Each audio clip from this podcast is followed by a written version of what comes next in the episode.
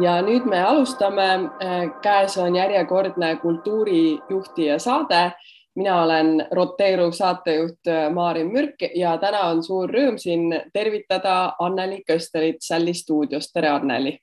tere, tere ja kõigepealt küsiksingi võib-olla neile kuulajatele, kes ei ole sinu tegemistega väga hästi kursis, et kirjelda palun natuke oma sellist töö ja õpingute teekonda, et kust sa oled liikuma hakanud ja kuhu sa oled tänaseks päevaks jõudnud? no siis me peame minema kuskile kaheksakümnendate lõppu, üheksakümnendate algusesse mille selline zeitgeist tervikuna oli ju hästi selline ettevõtlik ja, ja omamoodi ülbe. ja, ja tundus, et absoluutselt kõik on võimalik, kui sa ainult tahad. et kes hakkas vahvleid küpsetama, kes trükkis plakateid ja, ja kes astus tolleaegse elamute ekspluatatsiooni valitsuse uksest sisse vahetult peale keskkooli lõppu, ütles tere, mina olen Anneli ja ma tahan hakata siin teie juures kunstiringi tegema ja, ja see oligi täiesti piisav, see tahteavaldus. nii et niimoodi kaheksakümne seitsmendal aastal sai alguse minu esimene kunstiring, tookord siis Nõmmel. ja, ja see veendumus, et noh, et kui sa nagu tahad, siis sa lihtsalt pead selle nagu välja ütlema ja tegutsema hakkama ja kõik juhtubki. see ilmselt tollest hetkest äh, alguse saigi. ja sellest kunstiringist siis üheksakümnendate päris, päris alguses, üheksakümmend üks, üheksakümmend kaks sai sellesama tohutu ettevõtlikkuse tuhinas aktsiaselts, Sälli stuudio aktsiaselts. Ja, ja selle aktsiaseltsiga läks pahasti. Selle koha pealt, et üheksakümne teisel aastal kuulutati välja Tartu Kommertspanga moratoorium, kuigi igal pool raadios ja televiisoris olid veel suured reklaamid, et Tartu Kommertspank sinu äri eduks. aga äri eduks oli ta võib-olla nii palju, et ta andis tohutult hea õppetunni ja üheksakümne neljandal aastal, kui siis äh, panga pankrot välja kuulutati, läks äh, hingusele ka aktsiaselts, sest nii tema aktsiakapital kui käibevara jäid sinna pankrotipesasse ja, ja, ja sinna nad jäidki. ja üheksakümne neljandal aastal sai siis asutatud äh, Sälistuudio uuesti. Õnneks saime sama nime kasutada, aga nüüd juba mittetulundusühinguna sest esimesed valusad vitsad olid käes. esiteks selle koha pealt, et ilmselgelt ei ole see see valdkond, mis äh, võimaldab äh, niivõrd äh, tohutut tulusust ja toimetamist, et oleks aus ennast nimetada aktsiaseltsiks. ja, ja teiselt poolt kapital oli niikuinii seal, kus ta, kus ta oli aga ma arvan, et see Tartu Kommertspanga juhtum oli esimene hästi suur õppetund minu juhiks kasvamise teel. Ja see oli see, mis pani aluse kogu Sälli stuudio äärmiselt konservatiivsele finantspoliitikale. Ja sellele, et kui ma mingeid näidikuid kogu aeg jälgin, siis on need maksevõime kordaja, mis peab olema vähemasti heal tasemel, likviidsus, see, et mul on alati mingid tagavarad olemas, mis aitavad hakkama saada sõltumatult ja olla ümbritsevate olude suhtes paindlik nii et selle keerulise alguse äh, selliste raskete õppetundide juures oli kindlasti ka midagi väga head. ja, ja kui veel minna korraks tagasi sinnasamasse üheksakümnendate algusesse ja nendesse finantsõppetundidesse, siis võib-olla tänasel päeval on naljakas mõelda, et see sama pankrot mõjus nii, et aastaid Sällil küll oli arveldusarve pankades, aga me seal raha ei hoidnud raha oli tolleaegse panga hoiulaekas. Ja kui laekusid õppemaksud, siis võtsin sällikoera käe kõrvale, jalutasin koeraga panka sisenesime hoiulaegaste ruumi, võtsime oma laekakese, panime sularahapaki sinna sisse, keerasime selle uuesti võtmega kinni, andsime võtmed pangatöötajale, läksime ära. millegipärast mulle nagu tundus, et kui ma hoian raha hoiulaekas, siis on see palju turvalisem, kui sa hoiad seda arveldusarvel. et täna ajab see nagu naerma selline mõttekäik onju aga, aga tolles ajas, tolles ajas oli see nii ja, ja pangandusega on ikkagi noh, ongi need õppetunnid ikkagi hästi seotud. ka järgmised õppetunnid, sest, sest olenemata sellest, kui tubli oled sina oma väikeses organisatsioonis ja kui head on sul needsamad bilansi näitajad, seesama maksevõime kordaja, likviidsus, kohustuste hulk on ju, siis äh, pangad reeglina ikkagi ei laena üksikule ettevõttele, pangad laenavad äh, majandussektoritele. Ja kui sa satud olema mittetulundusühing, kui sa satud tegutsema kunsti ja hariduse vahelises hallalas, siis sa päris kindlasti ei kuulu lemmikklientide nimekirja, kellele just rasketel aegadel laenu antakse kuigi meil on siiski paaril korral õnnestunud oma suuremaid arenguhüppeid ja ümberehitusi ka pangalaenudega finantseerida.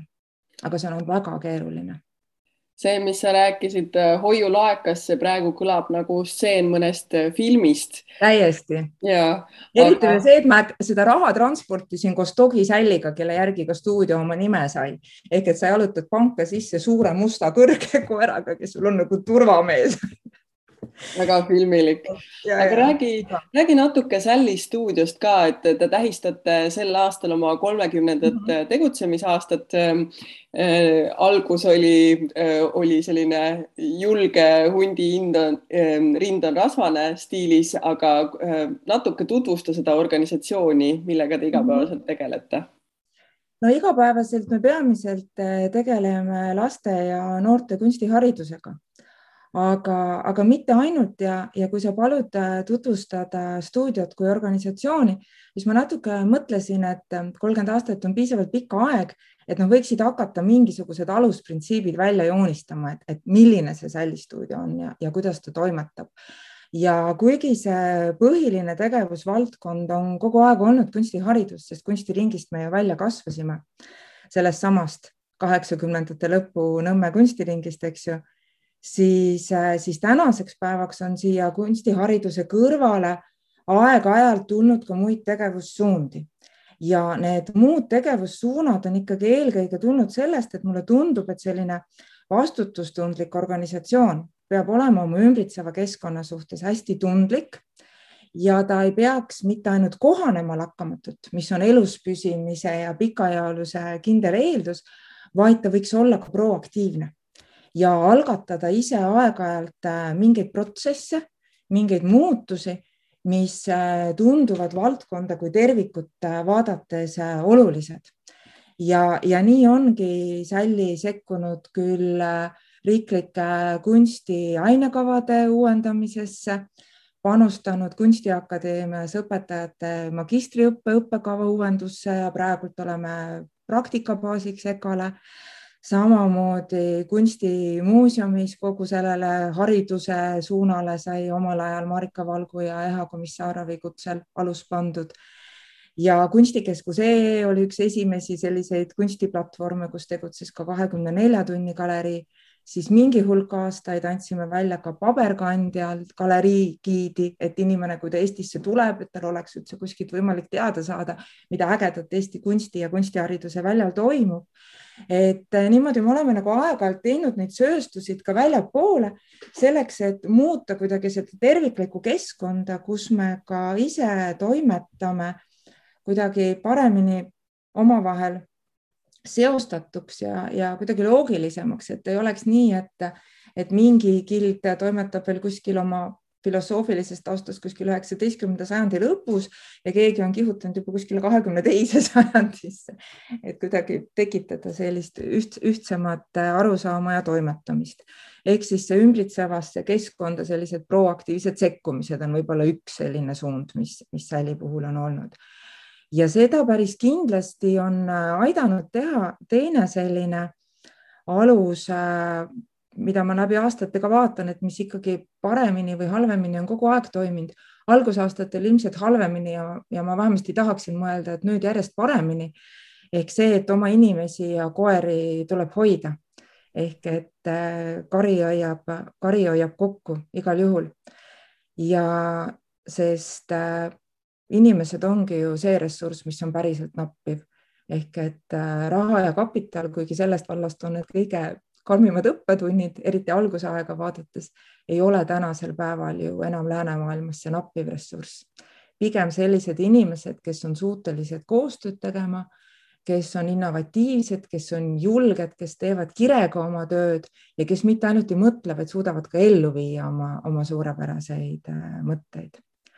ja nende suurepäraste inimeste ja julguse eksperimenteerimise juurest jõuabki siis selle kolmanda asja juurde, mis ongi seesama, see julgus eksperimenteerida sisus. vaatamata sellele, et finantsides oled hästi konservatiivne siis nagu selles sisudiskursuses oled ikkagi nagu selline julge ja ei, ei karda võib-olla ka mingisuguseid üldlevinud tavasid või tõeks, tõekspidamisi aeg-ajalt ka vaidlustada või küsimärgi alla panna või, või ehitada päris nagu sellist oma teed ja rada.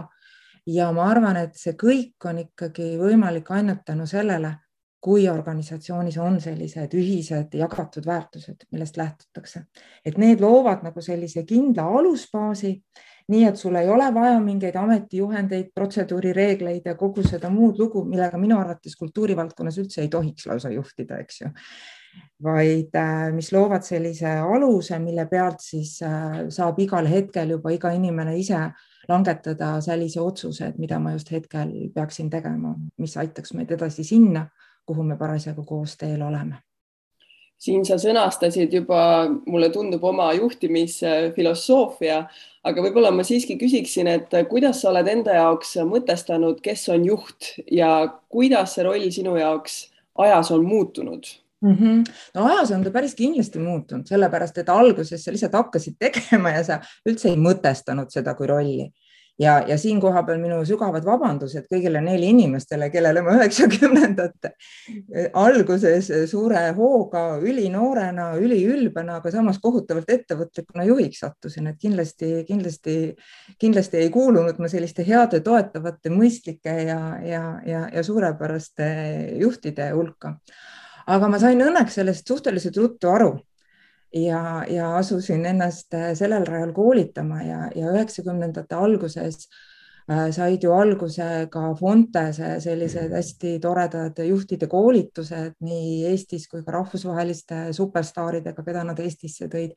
Pärnu juhtimiskonverentsid, Pärnu personalijuhtimiskonverentsid, Fontese raamatukogu, mis oli nagu võrratu, nad andsid hästi palju ülihäid selliseid juhtimise raamatuid välja et eks sa sealt hakkasid seda vaikselt omandama, kuni siis ühel hetkel tundus, et, et sellel oleks vaja anda siiski mingisugune süsteemsem ja, ja, ja akadeemilisem formaat. ja nii jõudsin ma Tartu Ülikooli psühholoogiat õppima ja, ja mul oligi seal kaks huvipunkti, üks oli siis organisatsiooni juhtimine ja teine oli kunstitaju ja hurraa, psühholoogia osakond on just nimelt see, kus sa saad need kaks oma lemmikteemat kenasti kokku panna.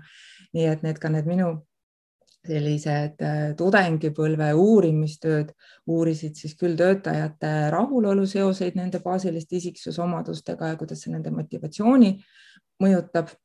see uurimustöö sai tehtud lausa Eesti Kunstimuuseumi töökollektiivi baasil. kui siis äh, lõpetasin selle tööga, mis uuris inimeste hinnanguid kaasaegsele kunstile ja kas seal on võimalik leida mingeid seoseid nende samade baasiliste isiksusomadustega.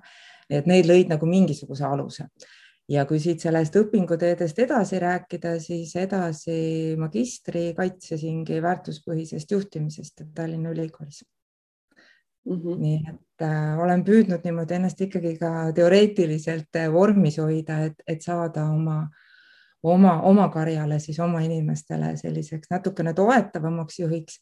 seda enam, et Tartu Ülikoolis seesama psühholoogiaõpingud ikkagi aitasid nagu väga paljusid asju palju paremini mõista. ja, ja aru saada ka sellest, et, et inimesed ongi täpselt sellised, nagu see on, nagu nad on. ja et see ei ole sugugi mitte selline personalijuhtide küüniline nali, et inimesi värvatakse nende oskuste järgi ja vallandatakse nende isikuomaduste pärast vaid et kui sa tahad ikkagi leida need õiged inimesed ja luua sellist äh, head mikrokliimat, siis sa peadki värbamisse väga hoolikalt suhtuma ja et siin kõige olulisemad ongi need äh, samad äh, isiksuslikud äh, küsimused. sest kui inimene on motiveeritud ja tahe on olemas, siis oskused ja teadmised on omandatavad. on sul ehk oma juhi tööst tuua mõni näide võib-olla sellisest eredamast õppetunnist, mingi, mingi enda jaoks murdeline hetk või taipamine, et siin neid natuke juba tuli sisse, aga, aga ehk ka, ehk ka mõni näide veel tead, mul on selle koha pealt sihuke õudselt tore mälu, et mida ma üles ei kirjuta, seda ma nagu väga pikalt ei mäleta. ja, ja võib-olla see mõnes mõttes lühikene mälu on ka nagu hea, eks ole, et siis sa saad kohe nagu tuleviku, tuleviku, tuleviku poole edasi minna. aga võib-olla need äh, niisugused taipamise hetked, kui inimeste peale mõelda, on hästi seotud ka nagu sellega, et, et kui sa nagu näed, et mõni tohutult andekas ja tubli inimene on oma niisuguses isiklikkuse arengus jõudnud sellesse punkti, kus äh, tal oleks parem äh, edasi minna ja luua päris oma ettevõte.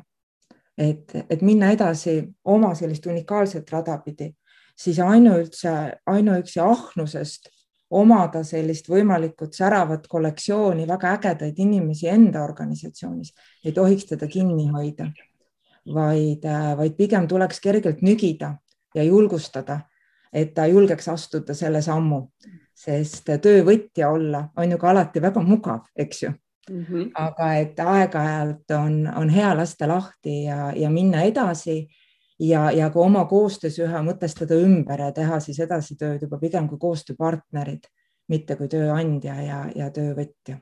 ja neid hetki on ikka olnud see tundub väga tõesti julge samm, et äh, lükata keegi nii-öelda nagu pesast välja peaaegu ja, ja täiesti mõtestada see suhe ümber.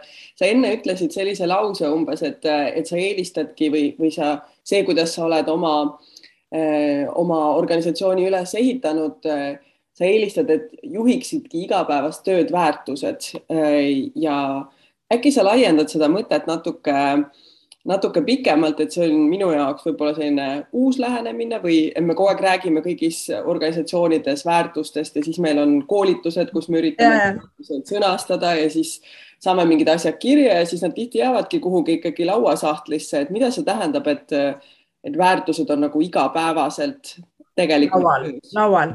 jah Äh, vaata, see on nagu see, et kui nad tõepoolest on kuskil seal sahtlis, siis nad ei juhi midagi ega kedagi, on ju, et siis, siis nad ongi seal sahtlis ja tihtipeale tuleb see nagu sellest, et äh, väärtuseid organisatsioonides ka sõnastatakse hästi suurelt, hästi uhkelt, hästi niimoodi nagu pidulikult. aga väärtustest on kasu siis, kui me nad omavahel arutame läbi pigem selliste tegevusjuhistena, et, et mida see näiteks nagu tähendab, et meie jaoks on sisukus oluline. näiteks meie jaoks tähendab see see, et me formaalseid asju ei tee ehk et äh, kuni selleni tõepoolest välja, me loodame, et nüüd kõik ametkonnad panevad kõrvad kinni ja ei kuula Ida raadiot, aga et kui ka nõutakse mingisuguseid äh, tabeleid, äh, aruandeid, asju, mis on nagu sulaselgelt formaalsed ja mis sisuliselt ei aita ei sind ega sinu organisatsiooni, siis sa pigem võtad riski, et maksad trahvi, aga sa ei hakka oma inimeste ja iseenda aega panustama sellele, et neid numbreid kuskilt välja otsida, onju ja et kui sa midagi õpetad või, või midagi ka õpilastel tahad, et see oleks neil õppekavas, et siis see seal õppekavas ei ole sellepärast, et see on nii lahe ja mulle meeldib, vaid ta on seal sellepärast, et selles vanuses õppijale, kui tal on sellised ja sellised soovid, on see möödapääsmatult vajalik, et ta selle asja omale selgeks teeks, et see sisukuse printsiibi näiteks noh, sellised eri, erinevad, erinevad lahenemised või siis teine põhiväärtus, mis on hoolivus et, et kui sul on mingisugune olukord, kus sa oled, siis teinekord mugavusest tahaks mitte reageerida. tahaks pea ära keerata. aga kui me oleme kokku leppinud, et me ikkagi kõikides protsessides proovime käituda võimalikult hoolivalt nii ümbritseva keskkonna, inimeste, töövahendite, materjalide, kogu ümbritseva ühiskonna suhtes, siis, siis sa ei saa mööda minna, sa ei saa pead ära käärata või valida seda mugavusärada. ja kolmas põhiväärtus kunstiorganisatsioon, nagu me oleme, on loomulikult loovus ja, ja seda eelkõige selle koha pealt, et äh, tegevusjuhisena, et võtame probleeme kui väljakutseid ja mõtleme välja, kuidas saaks, mitte et ei tule kõigepealt kohe see äge vastus, et ei ole võimalik, ei saa, pole ette nähtud et äh, nii nad aitavadki, et need kolm sellist äh, lihtsat sõna, tuleb telefon, vastad, kuidas sa vastad, kuidas sa kirjutad, kuidas sa lahendad jooksu pealt erinevaid küsimusi ja neid erinevaid küsimusi on ju iga päev ju tuhandeid, mis lauale tulevad. ja, ja kõiki neid asju protseduurireeglite ja ametijuhenditega lahendada ei saa. et äh, minu jaoks, kui sa küsid, mis oli üks niisuguseid taipamise hetki, oligi üks kunagine koolitus, jätame õppejõudude nimed ja, ja konteksti lugupidamisest nimetamata hetkel kus äh, mitu tundi pidime koostama protseduurijuhendit sellele, kuidas vahetada ukse lukku organisatsioonis, kui seda on vaja teha ja kes tuleb kühvlikesega ja puru põrandalt ära pühib, et millise ametikoha täitja on ju. et ma arvan, et see ei ole produktiivne, edasiviiv ega mõistlik. et äh, sest needsamad ametijuhendid ka, nad ju väga hästi sätestavad ära eelkõige selle, mida inimene tegema ei pea. ja eriti, kui on väiksed organisatsioonid, muutlikud ajad, selline kohanev olustik, nagu meil praegu on, siis äh, me tegeleksime lõputu inimeste juurde värbamisega ja toodaksime ainult rahulolematust see, mis sa kirjeldad, ma näen, kuidas see võib töötada väikse organisatsiooni puhul ja mhm. olukorras, kus sa saad iseendale valida meeskonna. Aga kas sa näed, et, et selline lähenemine võiks töötada ka suurte kultuuriinstitutsioonide puhul, millel on oma taak millel on juba eh, juhina sinna tööle minnes terve hulk inimesi, kes on seal töötanud, kellel, eh, keda sa ei saa välja vahetada võib-olla või oma mhm. tiimi nii eh, suurelt koostada, et, et kas sa näed, et seda annaks kohandada kuidagi ka sellistesse mammutitesse? no väärtuspõhise juhtimise teooria ütleb, et saab, aga see ei ole loomulikult lihtne sellepärast et selleks, et väärtused äh, tööle hakkavad, peavad inimesed, need peavad olema nende inimeste endi päris reaalsed väärtused, nad peavad ise ka sellesse uskuma.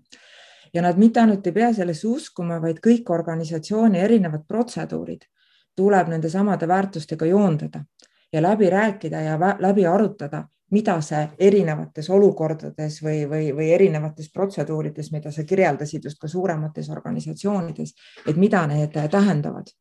Aga kui me räägime kultuuriorganisatsioonidest, siis ma arvan, et kuigi see käivitamise ja elluviimise periood võib olla päris pikk ja me võime mõõta seda kindlasti aastates, mitte kuudes ega nädalates, siis lõppkokkuvõttes tulemuseks peaksid meil olema oluliselt paremini motiveeritud töötajad, kes saavad aru, et äh, nende tööl on mõte ja mõjusus ja et nad teevad päris asja ja et neil on päris suur autonoomsus selle tegemisel aga selle üks oluline eeldus inimeste poolt vaadates on see, et ka inimesed peavad mõistma seda, mis erinevus on töötada üksiku loojana ja mis võrreldes siis sellega, kui sa töötad institutsioonis mm. -hmm.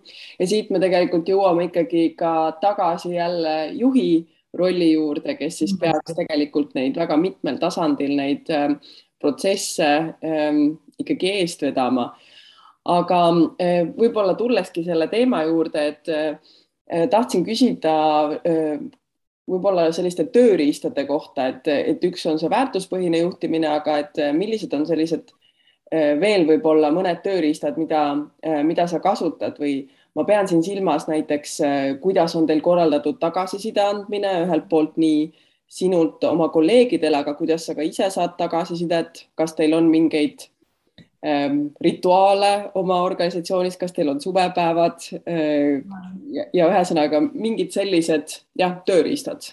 no neid tööriistu, eks ole, on läbi kõigi nende aastate ju hästi erinevaid olnud, on ju. Ja, ja, ja tulenevad ka nendest erinevatest õpingutest, eks ole, siis alati proovid nagu vaadata, kuidas mingisugused asjad töötavad või, või ei tööta. Aga, aga tänaseks päevaks me oleme jõudnud nüüd küll selleni, et minu jaoks kõige-kõige-kõige-kõige olulisem tööriist on iga teisipäevane koosolek, nii naljakalt kui see ka ei kõla. Sellepärast et eh, sinna me just kõik tulemegi nende küsimuste, probleemide ja võimalustega, mis parasjagu kellegi töölauale on jõudnud ja ma, ja ma tean, et, et, et kui ma teisipäeval kell kaksteist on mul mingisugused asjad nagu väga õhus ja ma võin olla isegi murelik, noh, eriti vaadates seda praegust olukorda, kus praktiliselt iga nädal sul regulatsioonid, mida sa võid teha, kuidas sa võid teha ja kas sa üldse võid teha, muutuvad. aga ma tean alati seda, et, et hiljemalt kella kolmeks on mul lahendus olemas ehk et äh, see selline kogu, äh, kogu tiimiga asjade läbiarutamine ja, ja erinevate lahenduste, ohtude ja võimaluste selline pidev laual hoidmine, see ikkagi väga-väga aitab jõuda just selliste lahendusteni, mis nagu päriselt töötavad ja mis on kõigi inimeste endi omad, sest nad ise olid nende otsuste väljatöötamisel mitte ainult juures, vaid nad ise töötasidki need välja ühiselt. Ja, ja teine asi, et kui on ikkagi mingisugused äh, sellised äh, suuremad protsessid, mitte selline iganädalane, mis on selline ikkagi niisugune nagu sebimise tasand rohkem on ju. no siis tuleb paariks-kolmeks päevaks metsa ära minna, mets aitab alati. pikad jalutuskäigud, saun, hea söök-jook, pikad arutelud ja, ja siis kõik asjad loksuvadki kenasti paika. ja selleks, et nad paika loksuvad, on väga oluline hoolitseda organisatsiooni tulevikumälu eest. ehk et äh, võtta seda aega ühiseks unistamiseks ja stsenaariumite loomiseks. sest äh, need selline nagu läbimängitud tuleviku erinevatel stsenaariumitel on palju suurem tõenäosus ka tõeks saada. sest kuna meie taju on ikkagi valikuline, siis me ümbritsevast keskkonnast märkame neid toetavaid ja ka piiravaid aspekte, mille peale me oleme enne natukene mõelnud juba ja mis on meil nagu mälus oma mälujäljed jätnud nii et see tulevikumälu loomine aitab luua nagu sellist filtrit, mis aitab toime tulla selle informatiivse üleküllusega, mille sees me iga päev oleme ja aitabki siis asjadel lõpuks tõeks saada.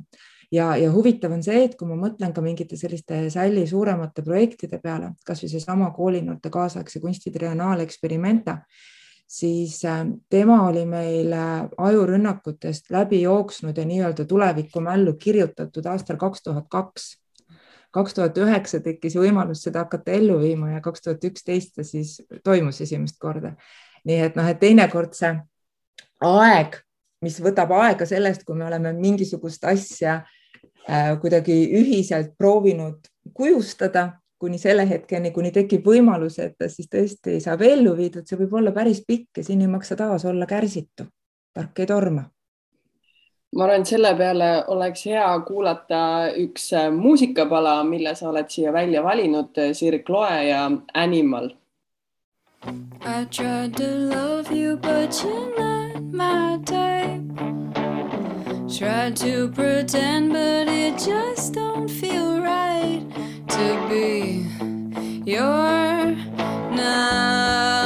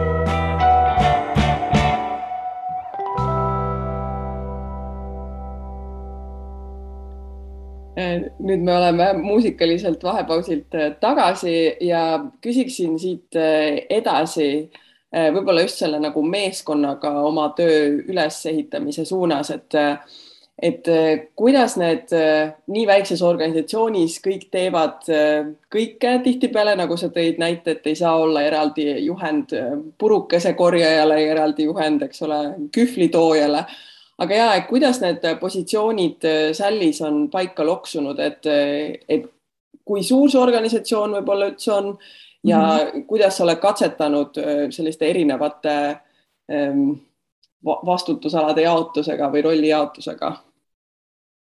Neid katsetusi on tõesti olnud hästi-hästi palju selles suhtes, et Äh, kui, kuidas asjad äh, toimiksid ja, ja lõppkokkuvõttes on ikkagi selles sul tuline õigus, et sa ütlesid, et väikestes organisatsioonides toimuvad paljud asjad palju paremini ja lihtsamini kui suurtes. esiteks juba tänu sellele, et kommunikatsiooniahelad ei lähe liiga pikaks. sest äh, kui ikkagi küsida mis tahes organisatsioonis, milles inimesed näevad kõige suuremat probleemi, on alati üksmeelne vastus kommunikatsioonis, et info ju õigel ajal õigesse kohta ja piisava selgusastmega ja see ilmselt kehtib vist nii perekonna, organisatsiooni kui riigi tasemel.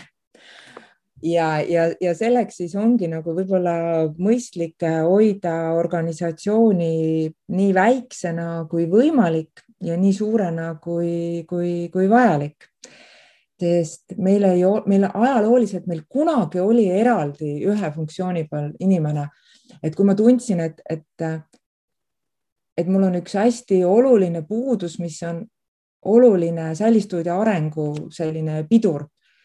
nimelt mulle ei meeldi võõraste inimestega rääkida, et mul on tõsine stress, kui ma pean vastama telefonile näiteks, no mingid sellised asjad.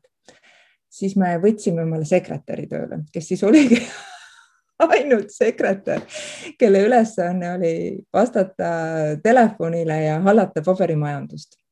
aga me saime üsna ruttu aru sellest, et, et, et see ikkagi ei tööta nii sellepärast et inimesed, kes helistavad, neil on täiesti päris küsimused ja neil on päris probleemid ja nad tahavad teada väga sisulisi eh, sisulisi vastuseid sedasama õppetööd puudutavatele küsimustele või siis meie parasjagu käsil olevate projektidega seotud küsimustele. ja inimene, kelle ainus funktsioon ongi olla hästi tubli juhi abi ja sekretär, olenemata sellest, kui hästi ta on briifitud, ta ikkagi ei tea detailideni asju nii et äh, tänasel päeval on meil rollid tõesti jagatud äh, mööda põhikohaga õpetajaid. et äh, üks neist täidab ka õppesekretäri ülesandeid, teine hoiab silma peal materjalidel ja varudel. nii-öelda turunduse ja sotsiaalmeediaga tegeleme kõik jõudumööda. ja, ja nii ongi, kuigi siit tulevad ka naljakad lood et kui lapsevanem on harjunud ühte inimest, on siiamaani näinud ainult nii-öelda õppesekretäri rollis ja talle pakutakse siis lapsele tema selle inimese juurde kunstitunni aega, siis tuleb kiire vastus. ei, meie sekretäri juurde ei taha, me tahaks ikka päris kunstiõpetaja juurde tundi tulla. aga siis selgub, et sekretär ongi kõrgharidusega kunstiõpetaja ja selle all hoopistükkis maalikunstnik ja, ja siis saabub rahu maa peale ja, ja hetkel on ka konkreetses juhtumis väga kõrge rahulolu ka sekretäri kunstiõpetaja rolli täitmise oskustega. sa juba natuke puudutasid siin ka sellist äh, magusat teemat nagu, nagu äh, nõrgad ja tugevad küljed juhina, et äh, mis on sinu jaoks oma töös kõige keerulisem ja mis on kõige nauditavam? Ähm, natuke sellest keerukusest ühest aspektist saime juba aimu, aga mis veel? Ja tegelikult minu jaoks nõuabki ikkagi hästi sellist aja mahavõtmist ja mõtlemist ikkagi kõik seesama, mis on inimestega seotud. sellepärast, et äh, ma kipun kuidagi nagu hästi palju asju algatama ja siis eeldan, et need on kõik kohe tehtud ka. ja, ja selle sellise intensiivsuse või, või, või tempoga võib olla keeruline kaasa tulla teinekord ja ma ei talu ka hästi seda, kui asjad jäävad viimasele minutile, sest siis ma tahaks üldse ära põgeneda ja üldse enam mitte midagi teha. et mul on oluline, et jääksid ajapuhvrid ehk et kõik asjad saaksid nii-öelda natukene aega puhata enne seda, kui nad lähevad avalikuks, sest selle puhke ehk laagerdumise aja jooksul reeglina tulevad välja võimalikud vead ja nõrgad kohad, mis siis enne avalikustamist jõuab veel, veel, veel korda teha ja, ja see on nagu see, mida ma pean nagu kogu aeg nagu oma peas nagu meeles pidama, et, et nii kui mul nagu mõte tuleb või kui mul on tunne, et oh, seda oleks vaja kohe teha, et oota, stopp, et võtame nüüd korraks aja maha, mõtleme, et, et ilmselt on praegu teistel ka mingite muude oluliste asjadega vaja tegeleda, eks ole, et, et päris niimoodi mõeldud-tehtud ei, ei toimi alati aga, aga teisest küljest ma nagu arvan, et, et see, see väike press sellele, et asjad ka tehtud saaksid, on võib-olla ka selline tugevus, seesama sihikindlus. sellepärast, et et ega ainult selliste suurte ja toredate mõtete mõtlemisega ka kuhugi ei jõua, kui see elluviimise pool ära jääb. ja, ja rahuldust ikkagi pakubki see, kui mingid asjad saavad päriselt tehtud, kui õpilastega mingisugune õppetsükkel tuleb hästi välja kui sa saad mingisugused raamatupidamise paberid korda ja kõik klapib ja on tore ja sa ei pea mingisugust viiesendist vahet taga otsima mööda pabereid, nii et et eh, eks ta, eks ta nii ole mm. -hmm.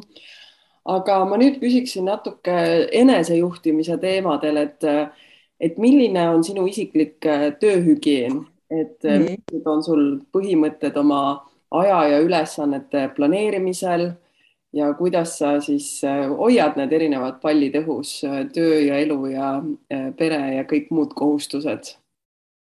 tead sa, mis, mul ei ole erinevaid palle, mul on täpselt üks elu ja, ja kõik need äh, erinevad äh, rollid on, äh, on seal koos ja, ja ilmselgelt ma nagu aasta, aasta ema aunimetuse nominentide hulka ei, ei pääse. Selle koha pealt, et ka siin ma eeldan hästi palju ennastjuhtivust ja, ja võib-olla, võib-olla ka liiga vara ja liiga kärsitult aga, aga minu jaoks on elu ikkagi nagu üks tervik ja, ja ma ei žongleeri. ja, ja kui hea töine mõte tuleb pähe koeraga metsas uidates, siis ma mõtlen selle mõtte lõpuni. Mitte ei vaata, et oi, täna on neljapäev ja minu vaba päev ja täna ma töiseid mõtteid ei mõtle. ja kui ka keset töist päeva on äh, vaja tütrega mingeid asju arutada, siis ma arutan ja, ja ma arvan, et äh, see ongi ka see, mis lõppkokkuvõttes aitab sul olla oluliselt äh, produktiivsem. sest kui kõik need asjad, mida sa teed, on sinu jaoks sisukad ja inspireerivad, siis ei ole ju vahet, mis see formaalne silt seal küljes on. lihtsalt tuleb vältida tühjade tegevuste tegemist ja, ja just nimelt see väljas äh, looduses äh, uitamine on see, mis aitab väga palju mõtteid selgeks mõelda. ehk et enamus projekte ja lahendusi tulevad ikkagi kõndides. et kui sa küsid meetodit, siis meetod on kõndimine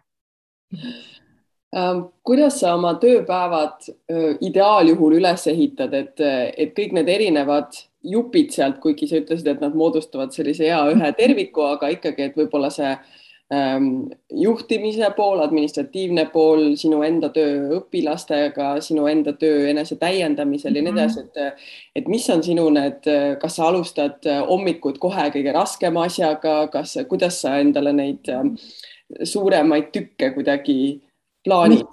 Need suuremad tükid on aastatega välja kujunenud nii, et ma ei tükelda mitte päeva, vaid ma tükeldan nädalat.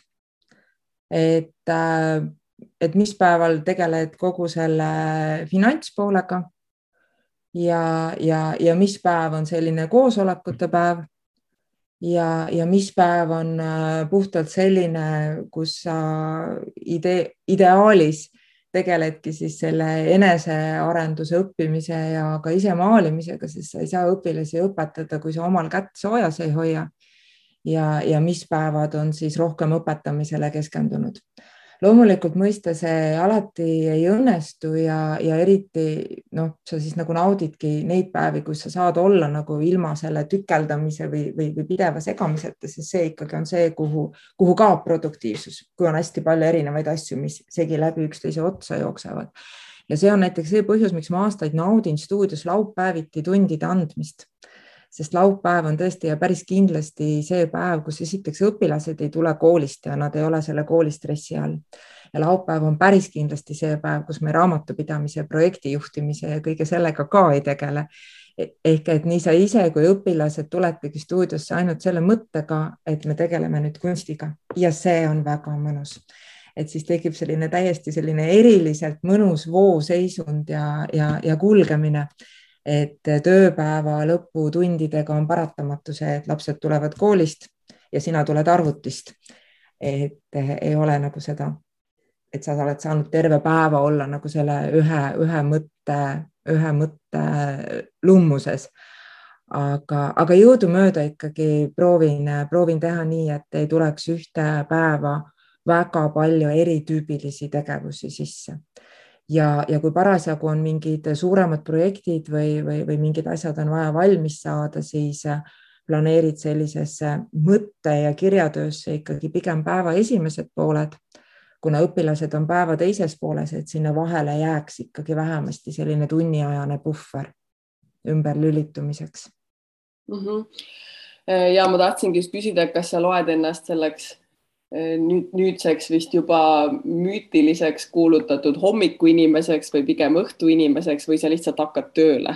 ma lihtsalt hakkan tööle ja, ja aastaid äh, ei tulnud mul kõne allagi, et ma enne kella üht-teist üldse midagi teeksin ja, ja selle algus on jälle sealsamas kaheksakümnendate lõpus ja keskkoolis ja keskkooli ajast ma mäletan ainult seda, et ma olin kogu aeg väga väsinud ja jäin igal pool lakkamatult magama. Ja ma mäletan, et ma siis lubasin omale, et nii kui see kool läbi saab, siis ma ei lähe mitte kuhugi tööle ega õppima, kus ma pean olema hommikul enne kella üht-teist ja mul on õnnestunud seda endale antud lubadust pidada. kuigi nüüd teinekord ma päris hea meelega ilmselt vanuselised erisused et äh, nüüd ma teinekord juba päris hästi hommikul kaheksast-üheksast vaatan just mingeid siukseid teksti ja, ja, ja numbri asju. aga sällist ametlikult tööpäev algab endiselt kella üheteistkümnest. Et kellel on nagu vajalik kohale tulla, siis ei, ei ole vajalik tulla varem mm. -hmm kuidas sa tuled toime pingeliste olukordadega või kuidas sa maandad äh, ärevust ja stressi? ikka läheb metsa. kõndimine, kõndimine. kõndimine, ikka läheb metsa, see ongi mhm. ja, ja kõnnid selle välja ja, ja teine asi on tõesti see, et kui ma enne ütlesin, et, et, et tuleb hoida oma inimesi ja koeri, siis äh, selle stressi maandamise ja, ja üleüldise sellise mõnusa kulgemise hoo hoidmisel ei ole kedagi ega midagi paremat kui üks sõber-koer et äh, nii nagu Salli stuudios päris alguses ju Salli järgi ta nime ongi ju saanud, oli tema oli meiega peaaegu praktiliselt kogu aeg ka stuudios kaasas. Ja kui sa käid erinevatel koosolekutel ja, ja kui sinuga ka tunnis kaasas on suur, mõnus, rahulik, sõbralik koer, siis ausalt öeldes mingit stressi ja ärevust ei tekigi ja kui seda ei teki, siis pole vaja seda ka maandada nii et see nii-öelda koera terapeutiline mõju on endiselt selline keskne konstruktsioon selle probleemiga tegelemisel, mida sa just adresseerisid siin hetke eest. ja aga need võib-olla jah, kõigist teistest väikestest probleemidest, et mul oli siin ka küsimus selle kohta, et kas sul on ähm, soovitada mõni selline äh, kas tehniline vahend, mingi gadget, äh, mingi võte, mis sinu tööelu on kuidagi palju kergemaks teinud, ka ei tea, kas see on Google kalender, mingi märkmikuprogramm, kas sa oled pabermärkmiku inimene, et natuke sellest organisatoorsest mäsust läbi tulemiseks. ma olen endiselt sulepea inimene.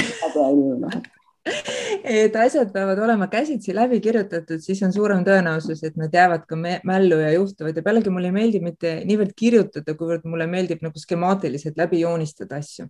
et kui ma suudan mingisuguse asja panna lihtsa sellise üldise skeemina paberile, siis ta ilmselt on viidud sellisesse lihtsusastmesse, et ta juba ka nagu töötab ja toimib, et seal ei ole liiga palju selliseid ühest küljest ja teisest küljest punktikesi enam mis reeglina elluviimise poole pealt vaadates pigem pärsivad kui toetavad. aga kõikvõimalikest sellistest äh, moekatest IT-vahenditest olen ma ikkagi ülitänulik selle üle, et meil tänasel päeval on olemas pilvelahendused mis tähendab seda, et kui mul ka sealsamas metsas see mõte pähe tuleb, siis ma telefonist pääsen kohe ligi sellele kohale, kus see mõte asetsema peaks ja saan selle koheselt sinna ära fikseerida või, või mingisugust asja järgi vaadata või kirja panna. et sa ei ole enam seotud ühe konkreetse arvutiga ja sellega, kus kohas see arvuti asub. et sa pääsed oma materjalidele ligi kust iganes äh, mis klassifitseerub sinu jaoks äh, töövabaks ajaks, et kuigi sa enne just rääkisid, kuidas ja. erinevad küljed moodustavad sellise hea terviku, siis äh, ikkagi uuriksin selle töö ja puhkuse kohta, et kui tihti sa võtad endale neid hetki, mida sa määratled puhkusena ja, ja jah, kuidas sa seda joont tõmbad võib-olla üldse? no seda joont ma tõmban nii, et igal aastal, kui ma saan uue pabermärkmiku, siis ma kõigepealt võtan kätte kollase helestusmarkeri ja tähistan ära kogu aasta jooksul kõik need päevad, millal ma planeerin mitte töötada ehk puhata. ja omaette küsimus on nüüd nagu see, et, et kui mõnel sellest päevadest, nagu ma ka varem ütlesin, see töine mõte pähe tuleb, siis ma teda jõuga ära ei aja. aga mul on jah, alati on aasta jagu ette, on see kõige esimene asi, mis märkmikusse läheb nii nädala lõikes need päevad, kui sa ei tööta, kui siis aasta lõikes need sellised suuremad klotsid sest, sest kui sa neid omal märkmikus kohe ära ei tähista, siis vähemasti minul kipuvad nad küll siis kõik täis jooksma. ja, ja pärast sa enam ei leia omale seda kolme või nelja nädalat, mis sa järjest tahaksid olla kuskil näiteks metsas või, või sul ei jää nädalasse seda ühte või kahte või kolme päeva, mis sa saad linnast eemal olla aga kui ma kogu aasta planeerimist alustan sellest, et ma panen selle nii-öelda oma aja paika, siis seda õnnestub ikkagi suhteliselt suure tõenäosusega ka nii hoida. see kõlab nagu üks äh, selline äh, säästunipp või, või mida soovitatakse inimestele rahatarkuse osas, et maksa kõigepealt iseendale palgapäeval. just ja seda tuleb ka kindlasti teha selle koha pealt, et äh, õhinapõhiselt saad sa mingeid projekte või, või organisatsioone juhtida aasta või kaks, aga mitte kaua seoses nende joonte tõmbamistega mul läks enne meelest ära küsida äh, piiridest äh, kollegiaalsuse ja sõpruse vahepeal, et mhm. kas sa seda joont tõmbad, et äh, või kuidagi on sinu kolleegid ka sinu sõbrad äh, või nad on head tuttavad või et kas see töö nagu valgub kuidagi üle nende sälli äärde ka? Tead, ma arvan seda, et me ikkagi eelkõige olemegi sellised ühiseid väärtuseid jagavad inimesed, eks ju. ja, ja ma küll ei tõmba mingeid selliseid olulisi piire, aga see ei tähenda sugugi seda, et me nüüd lakkamatult oleksime kogu aeg ninapidi koos. sellepärast et, et kuna see töine periood on ikkagi niivõrd äh, intensiivne, siis kui see tööpäev on lõppenud, siis lähevad kõik ikkagi oma koju aga, aga samas need ühised biennaali ja triennaali reisid, mida me igal aastal korraldame ja needsamad äh, metsas paari-kolmepäevased arutelud on äh, ikkagi kantud sellisest toetavast äh, ja, ja, ja sellisest sõbralikust keskkonnast, mitte sellest, et nüüd me oleme mingeid kindlatele kastikestele linnukesi sisse hankimas metsast. aga millist nõu sa annaksid inimesele, kes on nüüd siis sattunud kultuurivaldkonnas juhtivale positsioonile, et kasvõi keskastme juhiks, projektijuhiks, et mis need nagu do's and don'ts võiksid olla? tead, ma olen päris kindel selles, et üks väheseid asju, milles ma olen nagu kindel, et see keskne küsimus äh, ja, ja võib-olla mitte ainult kultuurivaldkonnas, aga eriti siin on see, et kuidas luua sünergiat selle loova ja finantspoole vahel. nii et äh, need esmapilgul vastandlikud nähtused ja jõud hakkaksid teineteist võimestama, mitte pidurdama. et äh, see on nagu see küsimus, mis tuleks iga organisatsiooni kontekstis koos inimestega läbi arutada ja, ja, ja kokku leppida. ja, ja teine asi on see, et, et äh, kuidas siis ikkagi nagu edu saavutada, see ju ka huvitab, eks ju. ja, ja mina olen nagu hästi seda meelt, et edu saladus on otsustavuses saavutada edu ja midagi päriselt ära teha. et ma vist korra enne ka mainisin, et sellest ainult mõnusast mõtete mõlgutamisest paraku ei piisa. aga tihtipeale me kultuurisfääris kipume nagu jääma ainult selle mõnusa mõtete mõlgutamise tasemele ja ei taha või ei julge või ei saa või leiame sada põhjust, miks mitte varrukaid üles käärida ja nüüd see asi ka ära teha.